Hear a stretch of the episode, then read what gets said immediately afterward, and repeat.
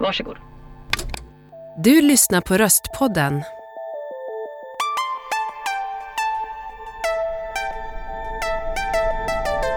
Det där är Sofia Lilja som både är röstcoach och mentalcoach. Och för henne går det inte att separera dessa två roller. De liksom sitter ihop.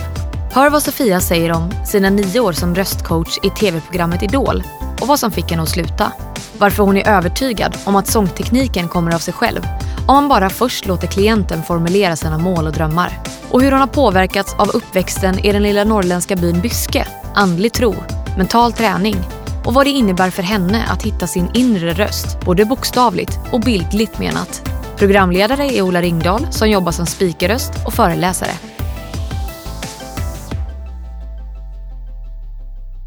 Faktaruta.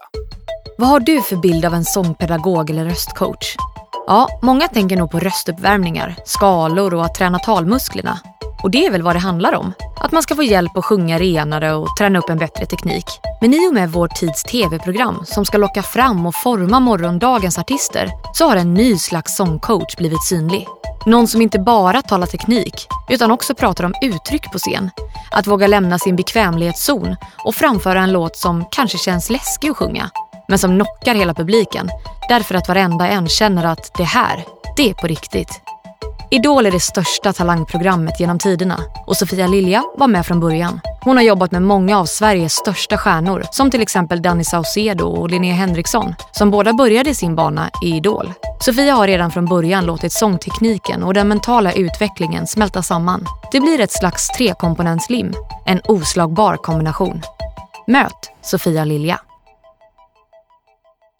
Hej Sofia Lilja, välkommen till Röstpodden. Tack. Du är mest känd för att du har varit sångcoach i Idol i nio år. Hur många år var Ja, det? jag tror att det, bl- det blev så va? Nio år, va? Ja. Mhm. Det slutar med. Och idag jobbar du som sångcoach och mental coach och utbildad i psykoterapi. Terapeut. Stämmer bra. Och jag tycker det är en jättespännande kombo, så, så vi ska komma till det. Eh, men jag tror att vi börjar med att prata om vad är ditt förhållande till röster? För mig är rösten själens spegel. För mig är rösten det som kommer mig och den jag kommunicerar med som allra närmast. Så därför så för mig blir det ju självklart att kombinera både röst rent artistiskt men också mentalt. Ja, jag smälter. Och, och vad är din uppgift då i förhållande till röster? Det beror ju helt på vad personen som jag ska jobba med vill och har behov av. Så att... Eh, Men du jag, hjälper folk med röster? svarar jag. Mm. Mm. Och det kan ju vara allt ifrån en artist som är på toppen av sin karriär, eller det kan vara en ung människa som precis vill in i branschen. Det kan vara en ledare, en chef, en VD som jobbar med sin, eh, med sin personal och som, ska, som står mycket på scen och vill kanske presentera och är mitt uppe i någon slags förändringsarbete. Eh, men det kan också vara grupper eller körer eller alla möj- möjliga typer av människor. Men där frågeställningen är någonting som är kopplat till rösten.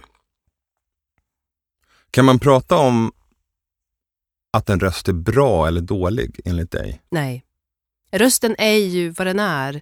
Sen kan vi ju utveckla rösten och eh, för mig är det också, med tanke på att jag börjar mer och mer jobba inom, inom terapi och behandling, så där är ju inte utgångspunkten rösten, men där kan man via rösten eller via andetaget framförallt möta sig själv och komma närmare och skala, skala av. Mm.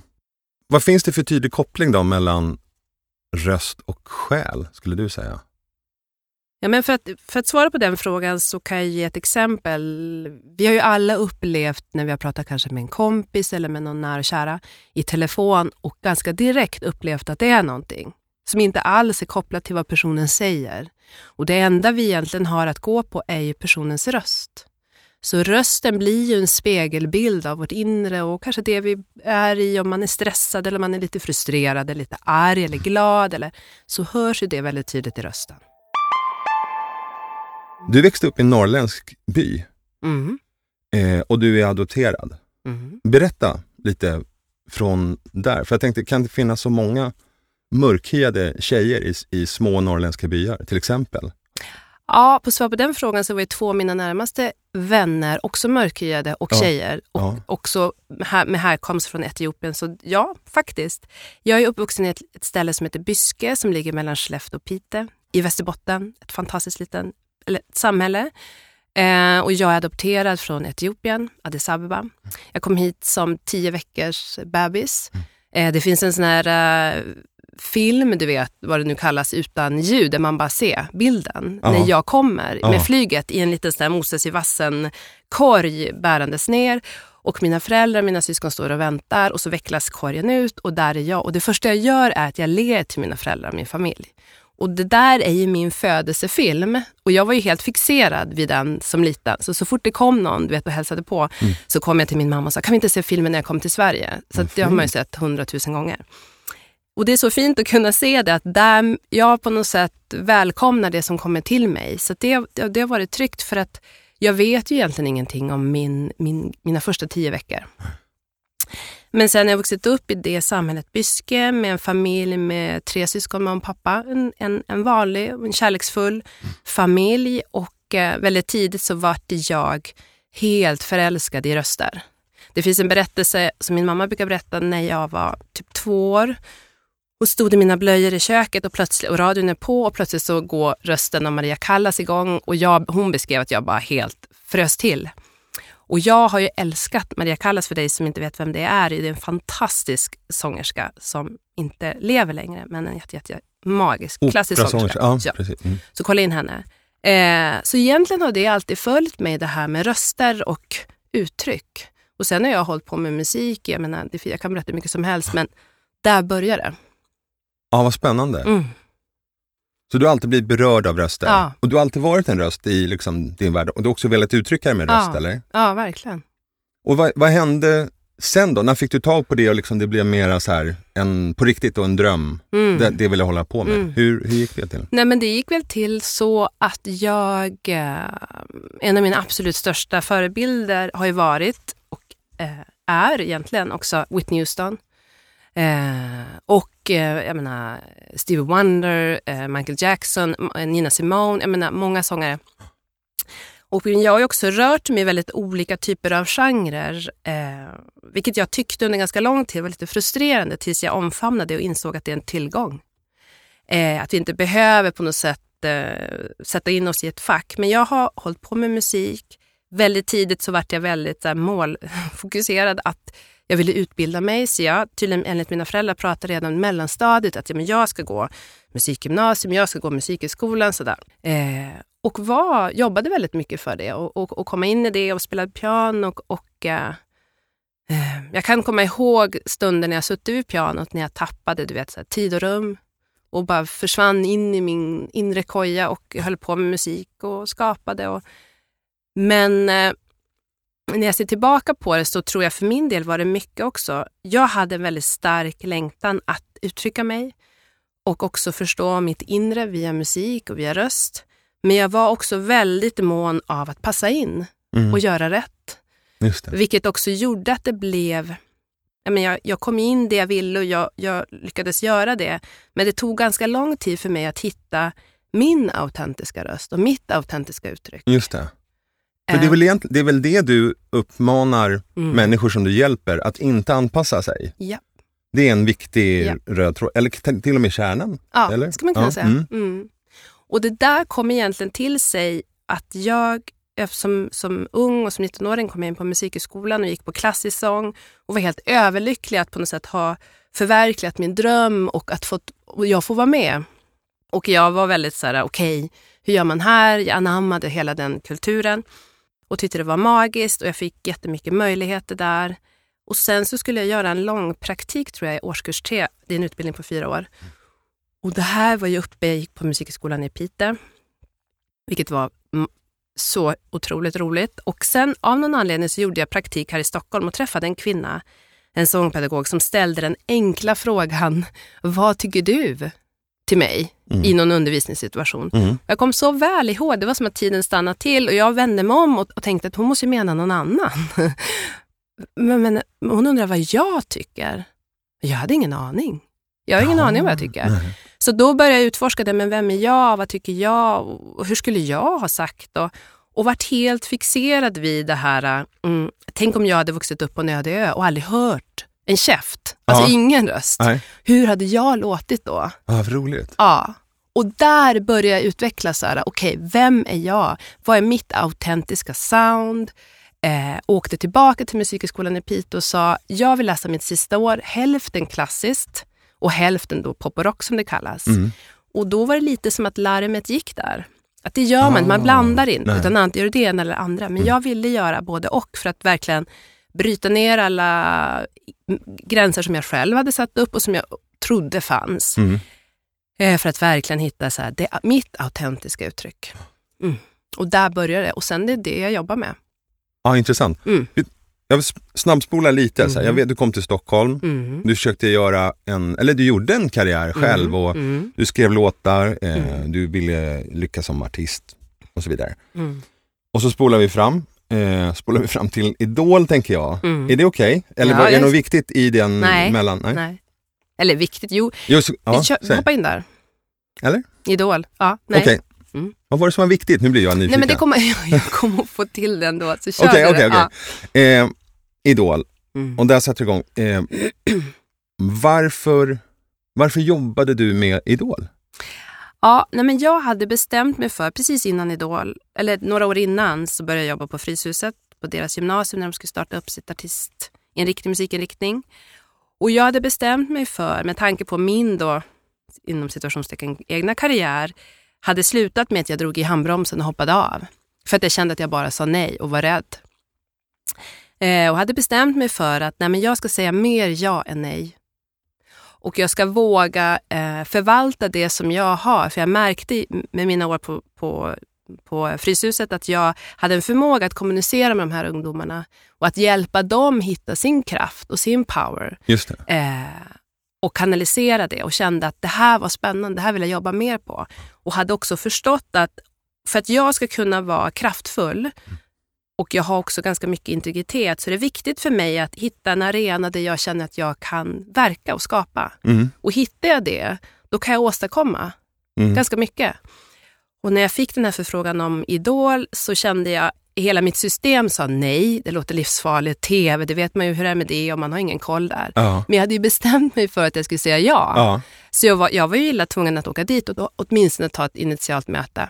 Och hon jag träffade, Helene Magnusson, som då var, skulle vara producent för det här, var helt fantastiskt. Hon tog så emot mig och gav mig också eh, mandat för att jag kunde, jag kunde vara tydlig med henne och säga att den här arenan behöver jag. Det här är mina villkor för att jag ska kunna hjälpa de här personerna Mm. och kunna ta ansvar utifrån min kapacitet. Mm. Så att jag vågade hoppa på det. Mm. Sen så vart det ju en fantastisk resa i många, många år. Men vad gjorde du så rent konkret med de som var med i Idol? Hur hjälpte du dem? Nej, men jag, jag tror att man, man tänker nog att det jag gjorde var ju att hjälpa dem att, att sjunga. För det var många som frågade, men du lär dem att sjunga. Ja. Nej, jag lär dem inte att sjunga. För att om de inte kan det, inom situa- situationstecken, så finns ingen tid till att lära sig det. Och det är inte det som är det väsentliga, utan det jag hjälpte till med och guidade dem var ju att hjälpa dem att kunna vara så mycket sig själva på scen som möjligt. Och att utforska vad det är som hindrar mig. Vad är det som gör att jag nyss kunde sätta de här grejerna och nu när kamerorna går på så funkar det inte alls. Det är massa andra krafter som eh, kommer in och med scenskräck eller rädsla eller eh, tror att man måste vara någonting annat och så. Och min erfarenhet av Idol är ju egentligen att, att de starkaste framträdandena skedde när personen vågade visa sig själv, sitt autentiska jag Ja. och blotta sig i det. Eh, för då omfamnade publiken dem. Så teknik och känsla gick ihop? Absolut, och känsla var först. Ja. Ja, och sen kom tekniken, Mm. uttrycket. Ja. För det vet, man, det vet ju alla när man ser någon i bild i kameran, i tv, så blir det någon slags närvaro det handlar om. Och då har man ju både på något sätt det visuella men också framförallt rösten. Så det var ju helt magiskt. Jag lärde mig jättemycket på det. Vad spännande. Mm. Men sen slutade du. Mm. Varför slutade du? Ja, men jag slutade i, i några omgångar. Jag slutade först efter, jag tror det var fyra, fem år, när jag varit gravid och vi skulle få vår dotter. Då kände jag att nej, men nu, är det, nu är det bra. Mm. Nu har jag lärt mig mycket. Nu måste jag våga, apropå gå vidare och säga ja, att öppna upp mig för nya möjligheter. Det är ett jättestort projekt med Idol. Jag jobbade själv med den här delen. Så jag hade svårt att kombinera med andra uppdrag. Så då kände jag att ja, men nu är jag nog klar. Men hemma med min dotter så insåg jag det att jag hade mer saker som jag ville utveckla och att jag insåg att Idol var ett fantastiskt forum. Och då hade jag blivit mer intresserad av den mentala biten och kände att det finns mer där att göra. Just. Eh, så då, och då fick jag möjligheten också att komma tillbaka. Så Mhm. då kom jag tillbaka. Och sen var jag gravid några år senare igen med vår son, så då kände jag att nu är det bra att avsluta. Ja. Eh, och då var det nog också dags att inte komma tillbaka, för då, då var det dags att lämna det. Ja, Mm. och det är nog det jag vill komma till. För Ja. jag vet att också att du, du började känna att utvecklingen av Idol gick åt fel håll, eller? Ja, precis. Och jag kände nog också att, att jag... ehm, nej men jag hade ju bestämt mig, jag hade en väldigt tydligt mission med att vara med och jobba där när jag väl fick möjligheten. Och jag kände att det, det, de förutsättningarna fanns inte på samma sätt då. Och jag hade jobbat i många år med det och det var väl också jag som hade utvecklats och kände att jag behövde fördjupa mig i andra områden. Vad var det för förutsättningar menar du? Ehm, ja, vad var det för förutsättningar? Vad var det som hade ändrats? Eller vad var det som skavde? Ja du, nej men det var, för mig var det, ehm, nu har ju Idol utvecklats ännu mer och jag har inte följt det för att jag har gjort andra saker. Och det, Idol har ju för mig varit en väldigt djup kärleksrelation Mm. i min karriär och, och i, för mig som människa. Men det, var, det kändes som att då när jag i slutet där så var det så många andra delar som var viktiga. Och jag vet ju, det är en tv-produktion, det är många bitar som ska på plats. Och för mig var det dags att, att gå vidare. Så det var nog mycket jag också som hade utvecklats till, till det var dags att du vet, Mm. byta, byta. Så om man har någon Kavaj. slags eh, relation, relationssymbolik så att ni växte Mm. ifrån varandra? Jag vet inte om jag ska säga det låter så dramatiskt, men jag, jag kände att det, det var dags att, att komma vidare. Ja. Ja. Nu, nu dricker vi lite te. här. Nu dricker vi lite te, precis. Och då, där tänker jag ta till vid att just den här med Idol, och det finns många tv-program idag som uppmärksammar människor som sjunger och blir artister och som vill. Mm. Ibland kan man nästan, jag kan känna att det nästan är som en folkrörelse bland unga människor sådär, att man vill, man vill sjunga, man vill uttrycka sig, men man vill också bli artist och man vill bli bekräftad. Mm. Och för mig är det en skillnad nu som när jag var ung eller bara för 15-20 år sedan. Vad är det som har hänt tror du när det gäller det? Så här, för, för, för det första om du håller med, men det tycker jag verkligen du ska göra. Men, så, eh, alltså, vad, vad är det som är skillnad nu idag med att det är så många som vill sjunga? Mm. Vad är det som har hänt tror du? Ja, men dels så tror jag att det är det att vi alla fått möjlighet, vi alla fått nyckeln till den här arenan där vi får vara med i olika format, Ja. på sociala medier och, och internet helt enkelt. Just det. Vilket är ju fantastiskt, vilket har gjort att det är på något sätt bara kliv på. Mm. Och jag tänker sådana program som Idol och, och eh, massa andra i, i, i den follan som har möjliggjort det. Ehm, så det tror jag helt enkelt är det och utvecklingen och att det på något sätt, eh, ja, det tror jag. Ja, för det, det är på något sätt mest inte ett förpliktigande eller mest så här, eh, politiskt korrekt att säga att det är så hemskt med de här förhärligandet av artisteriet och folk blir, Mhm. Förlåt nu måste jag rapa lite. Jag gör det. Det, hur, du måste du vara med om hela tiden. Att folk folk rapar och på, så som sångcoach. Ja, jag håller på med att massera tungor och sånt, så jag är med om det Just mesta. Men det är en liten parentes. Ja, Mm. dra i tungan. Inte dra, massera. Det är Man- ganska skillnad. Ja, Ja. Eh, I morse tänkte jag så att du skulle göra det på mig, men sen tänkte jag att det får hon absolut inte göra. Där åter- drar du en Ja, gräns. där, där, där är min gräns. Eh, jo, att det är inte ett förpliktigande att liksom oja sig över att eh, unga människor eh, blir exploaterade. De vet inte vad de gör i rutan och så. Det finns, den sidan finns ju. Mm. Men visst finns det någonting som är väldigt bra med att folk vill sjunga mer eller att de vill Mm. uttrycka sig. Vad tycker du? Ja, men jag tror ju, jag, eller så här, jag tror inte, jag bara, min erfarenhet säger och jag, det är min starka övertygelse att det finns en väldigt stark läkande kraft i att sjunga och i rösten. Så för mig är det ju fantastiskt att människor vill sjunga och sjunger. Jag tror på det. Så att det är det ena. Sen det andra, att det, att det sker kanske i ett, ett så stort format som människor kanske inte är beredda på. Eller under mina år som idol, på Idol var ju, även om det kom människor som hade jättemycket erfarenhet av att stå på scen och göra saker och sådär, så, så kunde de inte föreställa sig den belastning och den utsatthet som, som det var att vara i ett sånt stort kommersiellt sammanhang, det största mediala sammanhanget man kunde vara i. Och, eh, alltså både att man har pressen och publiken och media och bara puff ut i Sverige. Mm.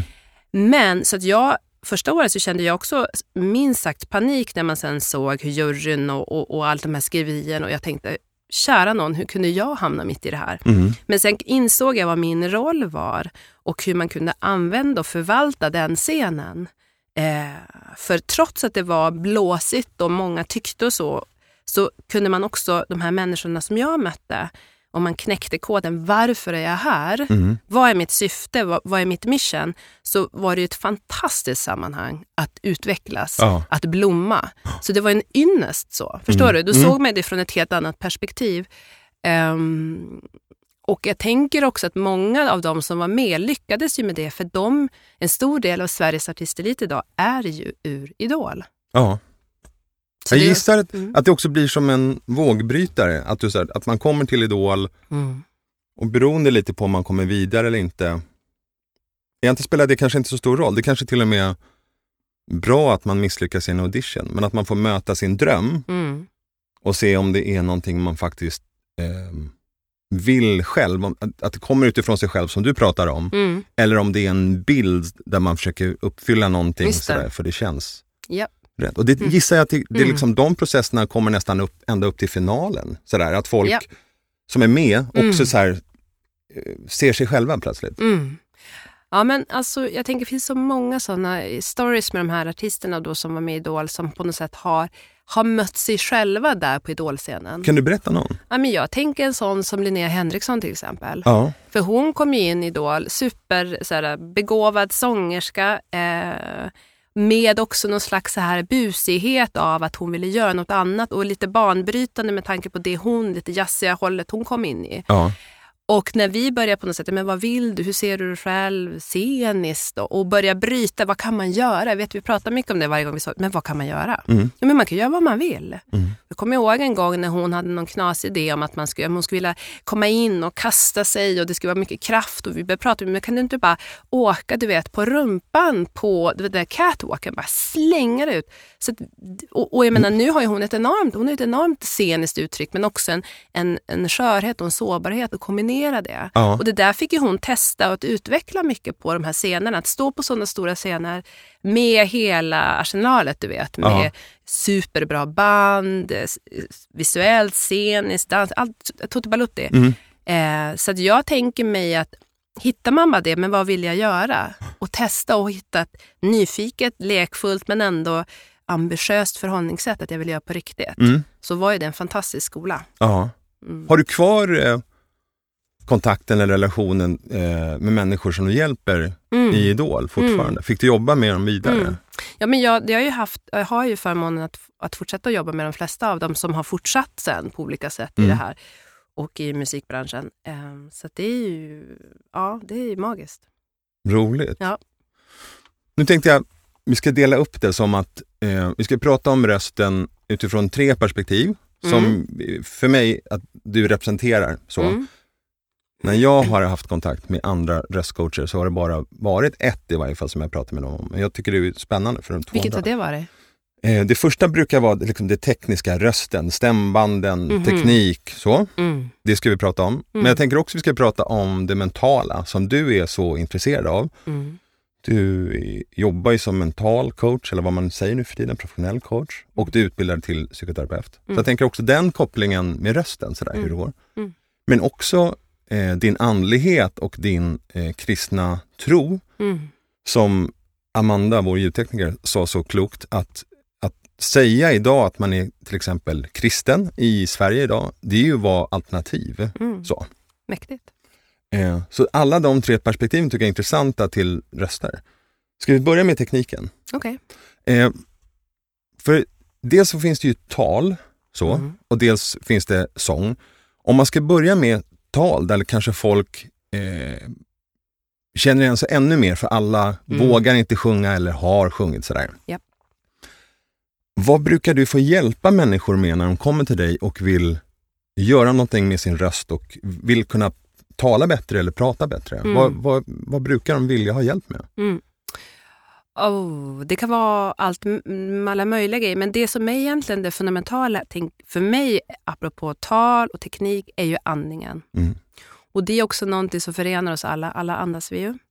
Eh, och att jobba med sin djupandning och sin stabilitet i andningen och sitt flöde i andningen är ju någonting som gör att också att vi blir mer grundade, vi, blir, vi lugnar vårt nervsystem. Det finns många fördelakter i det. Och oftast är det ju det som, som svajar när vi blir stressade. Mm. När vi blir stressade, känner oss obekväma, inte riktigt kanske tror på det vi ska göra men gör ändå och så. Så det, det är egentligen grunden, andningen. Och när folk kommer så brukar jag ofta ställa tre frågor. Oavsett om det är en artist eller en VD eller vem, vem den är. Mm. Varför är du här? Ja. Vad vill du? Ja, och så kanske de börjar prata om det. Många gånger vet ju inte folk riktigt det. Nej. Redan där börjar Mm. man ju fundera, ja, jag, för att den har sagt eller jag blivit rekommenderad eller jag borde eller så. Och sen nästa fråga är ju så här, varför, när man kommer fram till att det här vill jag, varför vill du det? Varför är det viktigt för dig? Mm. Och där någonstans blir det också en, en eh, vågbrytare av att man kanske inser det att jag trodde att jag ville det här. Och det är det jag har jobbat efter. Men det är inte riktigt det som är min vision eller min, min drivkraft. Och det är därför det inte har funkat. Så då kanske man kommer till insikt att det är egentligen det här jag vill. Mm. Och när man väl kommer till kärnan av vad man vill och varför man vill det och återerövra det, det är då många gånger sådana tekniska bitar släpper mycket fortare. Man kan vara mycket mer direkt i sitt uttryck. Tänk när man står inför sin personal eller när man ska ringa det här samtalet som man är nojig för. Att man vet på något sätt vad syftet är, vad, vad, vad, jag, vad som finns på andra sidan och vad riktningen är framåt och inte att man ifrågasätter sin förmåga. Ja. Så där tänker jag också med andetaget så gör vi att vi kommer ju mer inåt. Vi kan lättare höra vår, vår inre röst och vår, alltså tappa in i vår intuition. Så andningen tänker jag Mm. är nyckeln. Mm. Finns det några andra saker som man kan utgå ifrån att man, eh, man ska inte ha någon hög pitch, man ska inte låta så spänd. Mhm. Är, är det någonting, finns det några sådana sanningar? Ja, ja, men absolut. Mm. Men, men, och för mig blir det då, jag skulle inte säga så här, men du ska inte ligga så där högt och hjält uppe. Utan för mig blir det, en, in- apropå som du sa inledningsvis, det där min analys. Mm. För mig, då tänker jag, hur kommer det sig att personen pressar på? Känner den sig pressad? Mm. Eh, känner den sig osäker, du vet, så man bara hetsar på. Om man får personen till att eh, tagga ner lite och lugna sig lite så Ja. brukar oftast det där sänkas automatiskt. Okej. Är du med? Istället för att gå på att du ligger för högt. Just För det. då finns det en risk att man bara hamnar ännu mer klämt. Ja. För det är någonting som du försöker bibehålla kanske. Eller du kanske har, det kan också vara det att man kanske kommer från en familj där man pratar väldigt högt och Ja, starkt exakt. och intensivt. Där man någonstans måste bara hänga på för att över- överhuvudtaget bli hörd. ja. Eh, men när man kommer in i ett rum där det, bara, det är bara jag som är här och jag lyssnar, då kan man mm, komma Vad ner lite. intressant. Så Mm. din så här, filosofi är att man börjar med det mentala Mm. och sen följer tekniken med? Ja. Ofta? Ja. ah, vad intressant. Mm. Vad är förhållandet till din egen röst? Mm. Gillar du den? Ja. Ja. bara, nu tittar du på mig som att jag var en jättekonstig fråga. Mm. Ja, men du gillar den? Ja, Ja. men det har jag inte alltid gjort. Nej, jag gissar. Mm. Vad, vad, vad, vad tyckte du inte om? Och vad gillar du nu? Ja, men det men för mig var det lite som jag sa inledningsvis, att för mig var det mycket att jag tänkte att jag måste passa in och jag, var, jag kände att jag var så mycket, att jag hade en ganska stark röst och det var som all over the place och jag ville ju på något sätt in i en ganska liten ram. Ja. Men när jag väl släppt, tog bort den ramen och, och bara kollade, som jag pratade om det där med, kollade lite grann på, men vad är min röst? Vad, och också utifrån uttrycket Mm. så vart det mycket mer, eh, jag vart mycket mer tillåtande till min röst. Och jag har jobbat med att, att för jag menar, den röst som jag har, det är den jag har. Mm. Så antingen kan jag lägga wastea massa tid på att hata den och trycka bort den. Det kommer ändå vara där. Ja. Och, och det är min ingång till de människor jag möter och jobbar med. På samma sätt som att möta sig själv. Både med eh, eh, det som jag tycker är tipptopp och det som jag egentligen vill gömma både för mig själv och för världen. Mm. Ehm, men för mig har det varit, när jag väl varit mer tillåtande till att jag behöver inte vara det eller det. Nej, Utan vem är jag? Vad, vad kan jag göra med rösten? Vad vill jag säga? just det. Då kände jag att, att den poletten trillade ner. Ja. Vad Känns, intressant. känns det begripligt? Ja, för mig, ja verkligen. verkligen. Mm. Det kan man applicera på så mycket förutom rösten. Mm. Är vi klara lite mer den tekniska biten? Ja. Eller är det det folk tror att de kommer för att få hjälp med? Ja, och därför blir jag lite nyfiken när du, när du, Mm. när vi, du börjar med det. Mm. För för mig, precis som du sa, för mig är inte tekniken det första. Nej. Utan Men det, där är du väl ovanlig som, som röstcoach också tror ja, jag? det, får, det får andra säga i så fall. Jag tror det. Ja, jag Men tror jag har ju så många gånger hört när folk jag säga, snubblar in i, i, på mitt kontor och, och min studio Mm. där det är så här, gör inte om mig eller man kanske har gått hos olika och, och testat den här tekniken eller den Mm. där tekniken och, och hur ska jag göra och säga hur jag ska göra.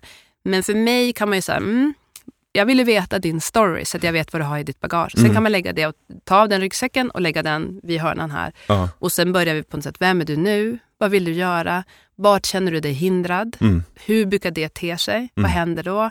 Och så börjar vi där. Mm. Spännande. Mhm. Ja, nu går vi som om det var en dramatisk övergång. Men Mm. det var an, jag är nyfiken på det andra benet här med den mentala utvecklingen och att du jobbar som Mm. coach. Vad, vad har det mentala för koppling då till rösten? Mm. Om du skulle formulera det. Den mentala kopplingen till rösten är att jag varit så eh, varse om när jag jobbat, framförallt mina första år, att även om jag hade ingången så här, nu ska vi sjunga eller röst så, så när man började med det så var det som att man öppnade en stor du vet, sån här eh, pardörr som bara boff flög upp. Va, förlåt, vad var det för dörr? Ja men så, vad kallas det? Så man har ju så stora våningar. Kallas Ja. inte en pardörr som man bara jo, det öppnar kanske gör. Jag har ingen jag aning. En bild. Ja, men så här, Jag tänker mig det bara öppnas Ja. upp, ditt in, och Mm. där är ditt inre. just det. Så sången och musiken är ju en direkt ingång till vårt inre Ja. liv. Eh, så för mig blev det så många gånger jag upplevde så här, oj, här står jag mitt i personens inre och det fanns massa saker som kom upp och man pratade om och det var tårar och det var väldigt känslosamt. Ja. Och jag började fundera på det, att det var så starkt att människor på något sätt genom att gå via rösten och musiken kunde komma i kontakt med sitt inre. Ja. Och jag menar, det finns väl faktiskt ingenting tror jag som så, så snabbt kan få oss och försätta oss i ett tillstånd som att höra musik eller en Nej. röst. Nej. Jag tror att det är det som är anledningen varför det är så rent evolutionärt har funnits med oss genom alla tider. Musiken, ett sätt att kommunicera, ett sätt att förstå oss själva och förstå varandra och hitta mer det här tillsammanskapet. Just det. Eh, Så det var min ingång egentligen. Att jag kände att det här är en jättespännande kombo. Och jag ville också, jag varit också väldigt fascinerad för jag märkte det att när människor ehm, omfamnade sin sårbarhet och eh, hittade också någon slags självmedkänsla för den de är och också kunde börja försonas med eh, sin historia och så här, men jag vill göra det här, jag kanske inte låter som Whitney Houston men jag låter som jag Ja, shit vad ballt, Ja. då använder vi det. just Så det. blev det en sån enorm katalysator för deras mående, för deras, vad de kunde åstadkomma, eh, för deras karriärer. Ja. Så jag kände att ja, men det här vill jag fördjupa. Ja. Så att jag har fantiserat om det i många, många år. Att nej, men jag, vill, jag vill utbilda mig till psykoterapeut, det är det här jag vill jobba vidare på. Ja. Ja. Och vad är det, nu kanske en nördfråga, för jag är så intresserad av personlig utveckling. Men vad, vad är det som du känner saknas som coach, som du vill liksom fördjupa med psykoterapin? Nej, men det är att få en mycket djupare förståelse för allt ifrån eh, det psykologiska såklart, Mm, mm, Ehm, det beteendeperspektivet.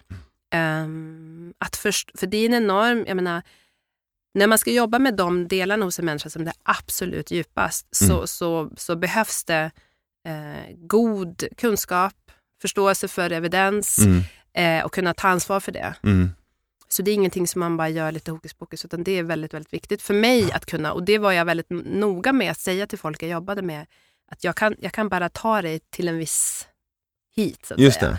Och sen så rekommenderar jag vidare. Ja. Jag är också väldigt fascinerad av alltså det, det djupt mänskliga Ja. som är ständigt närvarande i allt vi gör. Eh, och att någonstans kunna se på sin historia, och, men också kunna blicka framåt Mm. och kunna få tillgång till sin kapacitet. Mm.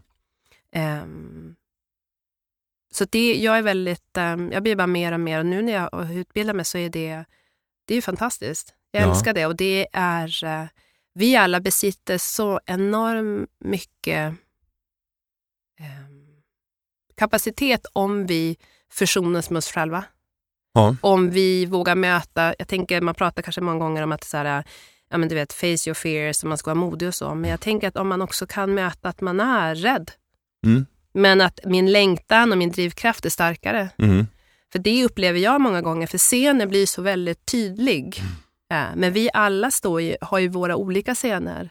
Om det så är du vet, i fikarummet eller här Ja. i studion eller på skolgården eller så. Och om jag på något sätt lär känna mig själv så kan jag leda mig själv i alla möjliga situationer.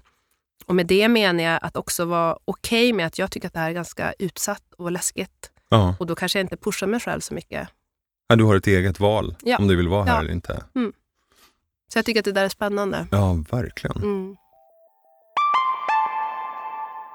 Tredje spåret, Mm. det, det är andliga Mm. och till och med det är liksom eh, religiöst organiserade, eller? Du, du, kanske inte, gud vad det blev en lökig fråga. Bara, eh, nej men det, an, andlighet och andlighetens förhållande till röst då, Mm. om man säger så. Mm. Vad, vad, har, vad finns det för koppling där som du ser det? För där, din, din tro är viktig för dig, har Ja, varit länge. Ja, ja, absolut. Det för, min tro för mig är ju helt um, självklar. På samma sätt som att andas är helt självklart. Och på samma sätt som att jag andas utan att jag går och tänker på det hela tiden, Ja. så har jag, en, har jag en, ett, pers, ett andligt perspektiv egentligen i allt det jag gör i min existens. Ja. Utan att jag för den skull går och tänker på det hela tiden. Är du med? Eh, så det är väldigt naturligt. Och då blir det så här instrumentellt kanske, men Mhm. är du organiserad i en kyrka? Nej, inte, inte för tillfället så. Eh, jag har ju en uppväxt inom frikyrkan och har alltid mm, haft en, en tydlig, eh, eller en självklarhet in, i det kyrkliga rummet. Jag tänker också kopplingen till musik. Jag Mm. menar, haft så mycket möjligheter där att jobba med körer och sjunga mycket körer och sjunga solo. Det är ju en fantastisk... Eh, där är, spelar kyrkan en jättestor roll, tänker jag, bara rent så för, för utövandet Verkligen. av musik. Men jag tänker också för mig har det kyrkliga rummet alltid varit en väldigt tydlig koppling till hemma och till kopplingen kyrkliga rummet till Mm. mitt inre också, mitt inre rum. Mm. Ehm, så, En trygghet. ja absolut. Jag tänkte också att oftast religioner, i varje fall i, inom kristendomen, så har ju också röst och musik en så himla stor plats. Mm, Eh, det är en viktig del mm, också. mm. Varför är det det? Det hade ju kunnat vara kanske någonting annat. Man hade målat till exempel i kyrkan Ja, tillsammans. Spännande. Varför är det musik och röst som är så kraftigt i... Ja, du, you tell me. Alltså, hmm, spännande. Jag, jag tänker mig så här, att när man är kopplingen till, om man tänker sig röst, sången och själen och det andliga. Jag tänker att det blir på något sätt den här trestegsraketen. Via rösten så får jag till, till, alltså, tillgång till mitt inre och i mitt inre så finns ju det gudomliga. Mm. Jag tror ju att vi alla människor har det gudomliga inom oss. ja. Och jag tänker det inom yoga när man gör namaste, så just att man på något sätt, jag, jag, jag, jag eh, uppmärksammar det gudomliga inom mig och jag gör det inom dig och där möts vi. ja. Och för mig är det kopplingen så. Och därför, jag tänker, jag vet inte, men Nej. jag tänker med svaret på din fråga, eh, varför man utövar musik inom kyrkan och inte målar. Nu målar man ju för sig i kyrkan också, eller dansa. Men det konstnärliga uttrycket är helt eh, självklart. Och det starkaste in i det djupt mänskliga, bortom intellektet och bortom kanske våra rädslor, kommer musiken. ja. Ehm, och jag tänker in, och det finns sådana traditioner som Tessé-traditionerna med just med sånger och kopplingen till en bönetradition, att det finns något väldigt lugnande, det finns något väldigt helande och eh, förenande Mm. i musiken. Mm. För jag tänker kopplingen, skillnad mellan att måla, visst vi kan ju måla ihop, men det blir någonting helt annat när vi sjunger ihop eller vi spelar ihop, Ja. när på något sätt våra energier i det blandas upp till en, en enhet. ja. Och jag tänker just med kyrkan och symboliken där att alla, alla är viktiga och alla har en plats. Så blir det också starkt om man tänker symboliken med en orkester eller ett band. Alla behövs. Just det. Mm. För, det, för- för mig, de, de eh, bästa sångare, eller mina favoritsångare är oftast har de kommit från USA, eller de kommer från USA Mm. och har oftast där, blues och gospel med sig. Oftast varit väldigt eh, starkt förankrade i olika kyrkor. Mm. Där, Aretha Franklin och Mm. Stevie Wonder kanske inte är så jätte-outad, men han, har han kommer ju från den världen. Absolut. Whitney Houston också. Ja. Eh, vad, vad, där, vad är det? Blir det som att man säger att det svenska musikundret handlar jättemycket om, om den svenska musikskolan, Mm. hit, liksom, i varje fall tills för några år sedan. Mm. Kan, är det så banalt sådär, att de har vä- växt upp i en kyrklig församling där man sjunger mycket, så då har de övat? Eller Mm. tror att det finns en koppling även till själva andligheten som gör att man lär sig uttrycka sig? Ja, vad spännande. Jag tror absolut att det finns en, en direkt koppling till att de har övat i, i det kyrkliga rummet. Ja, Och att där, om man tänker sig, jag menar, jag har erfarenhet, utan om du har det, men när man går på en gospelkonsert i USA så blir ju det som att gå på en av de grymmaste konserterna. Mhm. Och där finns de bara. Eh, och många av dem kommer ju aldrig ur den kyrkan, det är där de verkar och det är ett verktyg för dem Ja. med, med kyrklig samvaro. Så det tror jag absolut. Jag tänker bara lite snabbt för att då när man tänker sig att man vill sjunga som Whitney Houston eller då alla de här förebilderna, afroamerikanska förebilderna, så är det viktigt att ta med den kontexten de kommer ifrån och hur de, jag menar, tänk dig hur de pratar, hur de är, hur de är i sitt output. Allt det hänger ihop med hur de låter. ja, Om man då tänker sig skillnad på hur vi är i vår kontext, hur Ja. vi pratar, hur vår output är, så är det viktigt att få med så man inte bara tar, jag vill ha rösten och soundet. För det går inte att bara koppla det, plocka ur det så. Så det är, det är mitt svar på apropå kyrkan och, och, och eh, träningen. så. Men jag tror också att det absolut har kopplat till det andliga. För jag tänker om man ser en, en afroamerikan när de framträder och även jag tänker inom countrymusiken så finns det i deras uttryck också någonting som de går till. mm. Eh, och jag tänker det finns så många sådana artister, Bruce Springsteen framför allt, när man tänker sig som har haft en sån enorm lång karriär ja, och som är så djupt förankrad i sitt, i sitt uttryck och i, i sin, apropå sin, eh, sitt ursprung och den han är och på något sätt hela tiden är i det sammanhanget. Eh, Så tror jag absolut att det finns både en koppling till träningen i kyrkan men också det andliga perspektivet. Att det är så självklart för dem, ja, många, ja. om man nu generaliserar. Men med dina klienter, vi har ju pratat om att Mm. du brukar börja med det, eller du tror att nyckeln till att få en bra teknik och låta bra, oftast är det, handlar om det mentala. Men- Känslan, uttrycket, ja. Ja. Mm. Men har du också varit med om att när människor har förhållit sig till sin andlighet, att de har utvecklats ännu mer? Eh, Eller har det ja. inte så med saken att göra? Mm. Jag tänker så här, när jag, jobb, när jag jobbar med människor, som jag sa så har jag ju ett andligt perspektiv, även om inte Själv, det ja. jag tänker. Ja. Mm. Så för mig, när människan ehm, har sitt genombrott och möter sig själv eller litar på sin förmåga, Ja, för mig blir det en koppling till det andliga. just det. Sen Men kanske- behöver inte ha en label så? Nej, man behöver Mm. kanske, det kanske inte, för det kan lätt, det finns så mycket föreställningar i det. Mm. Eller då, eh, beroende på var man kommer ifrån eller hur det ska vara och inte. Utan jag tänker att när man pratar om närvaro eller det här flowet eller man känner, du vet när folk har stått på scen och bara, du vet, det blev bara som en, som en så stark nerv. Ja, För mig blir det ett, ett andligt uttryck, om Just du förstår vad jag menar. mm. Eh, så, eh, och sen på samma sätt som man inte kanske alltid behöver prata om det mentala perspektivet så, så är det ändå den vägen man går. Mm.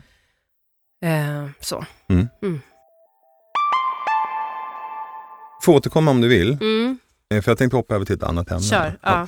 Scenskräck. Mm, Jag har läst någonstans att det är, det är faktiskt det läskigaste de flesta kan tänka sig. Det är att gå upp på en scen och prata eller sjunga framför andra människor. På riktigt. Eh, det är det läskigaste, före bilolyckor och allt Mm. möjligt. mm. Vad är det? Ja, jag tror att det handlar om att, att då, blir man, då hamnar man på något sätt i sin, en, en enorm utsatthet. Mm. Och har man ljuset, alltså sitt fokus riktat till, vänta nu, vad gör jag, vad håller jag på med, vem är jag? Mm. Nu kommer alla att tycka, varför ställer de sig upp? Och, alltså det, det är väldigt mycket inåt så och Ja. ifrågasättande. Så Ja. är det oerhört utsatt att ställa sig på scen. Ja. Men om man då jobbar mer med, varför ska jag överhuvudtaget ställa mig på scenen? Ja. Eh, vad är syftet? Vem talar jag till? Eh, vad är mitt budskap? Drivs, är det här viktigt, angeläget för mig och på något sätt rikta lampan utåt det. på det. Och är för, väl förberedd, har övat, eh, så blir det en helt annan situation. Men det kan nästan bli så att man får en du vet, så här, utomkroppslig upplevelse. Ehm, När man har skräck. Ja. Ja. Och det där, det som oftast, jag jobbar med många i, i det sammanhanget och det vanligaste folk som då har det säger eller gör är ju antingen, men jag ser en skräck, jag gör det bara inte Nej. och så gör de det inte. Mm. Eller så är det det att de bara förtränger det Mm. och bara hoppas, de bara kör. Och så får de de här, du vet, tunnelseendet eller att bara blir svart eller kommer av sig. Och så byggs storyn på. Ja. Att det var det värsta jag någonsin har gjort. Jag ska aldrig mer göra det. Nej. Och så, så gör de det igen. Kanske för att det är någon chef som har sagt att men du är bra på det här, kör du. Och så går man över sina egna gränser och inte gör förarbetet. Ja. Så blir det ingen bra erfarenhet. Eh, I det sammanhanget jobbar jag jättemycket med mental träning och med, eh, med tekniker som att man visualiserar, att man dels rensar ur, vänta nu, dels kan det vara ett trauma eller en tidigare upplevelse. Oftast är det det. Mm. Där man har upplevt den här känslan av att du vet, det känns som att byxorna är nere Mm. eller att det händer någonting. Det inte jag kun, kunde kontrollera eller det jag kände att jag gjorde bort mig. Mm. Och då behöver man ta hand om det. Mm. Sen handlar det om att, mm, att jobba med sig, men hur vill jag att det ska kännas? Vad är det för tillstånd jag vill vara i? Och att, att träna sig på det. Mm. Att tillåta sig bli hänförd av det jag själv ska göra. Mm. Ehm, för jag, så jobbar jag mycket. Jag tänker bara nu när jag ska komma hit till dig idag. Så är det det, jag kan ju fastna i min prestation. Att gud, jag vill prata om det här och det här, det här och det måste bli bra, bla bla bla. bla. Mm. Fast det viktiga är ju att vi får ett möte. Ja. Att jag kan tuna in dig och hoppas att du kan tuna in mig. Och eh, inse det att jag kommer inte att få med allting som jag kan Mm. och som jag är. Mm. Men vad är det viktigaste? Jo, men det är att lyssna in. Jag är ju här för att du har bett mig komma. Ja. Och jag har någonstans tagit ett beslut. Okej, vad är det för sammanhang? Hur skulle jag, apropå arenan, hur skulle jag kunna verka i det här forumet? Okej, vad, vad, vad, vad, vad tänker du prata om? Okej, de här grejerna, ja, det här tycker jag är angeläget. Okej, och sen våga surfa på den vågen. Mm. Och genom träning. Eh, jag brukar prata mycket om bilden av en våg. Mm. Man tänker sig kopplingen till stress till exempel. För det är ju ett påslag när man ställer sig inför en publik. Men för många människor så är det ju ett, också ett typ av påslag bara så här inför en annan människa. Ja. Och det behöver man, eller det kan man vara hjälpt av att titta på. Vad händer med mig då? Och det är olika Precis. saker som händer. Och det finns te- tekniker för dels andetaget igen, att lugna sig, möta sitt obehaget, acceptera att det finns, välja, ska jag göra det ändå eller ska jag bara skita i det? Och ibland tänker jag att många människor går på alldeles för hårt. Mm. Alltså över sina räds- rädslor hela tiden. Och går omkring och är livrädda och rädda för att bli avslöjade som en bluff. Men ändå bara gasa på, för det ska man göra. Det är bara att bita ihop, det är bara att växla upp. Ja. Och det slit, slits man ut till sist. Ja. Och då tappar man glädje, man tappar nerven, man tappar syftet. Mm.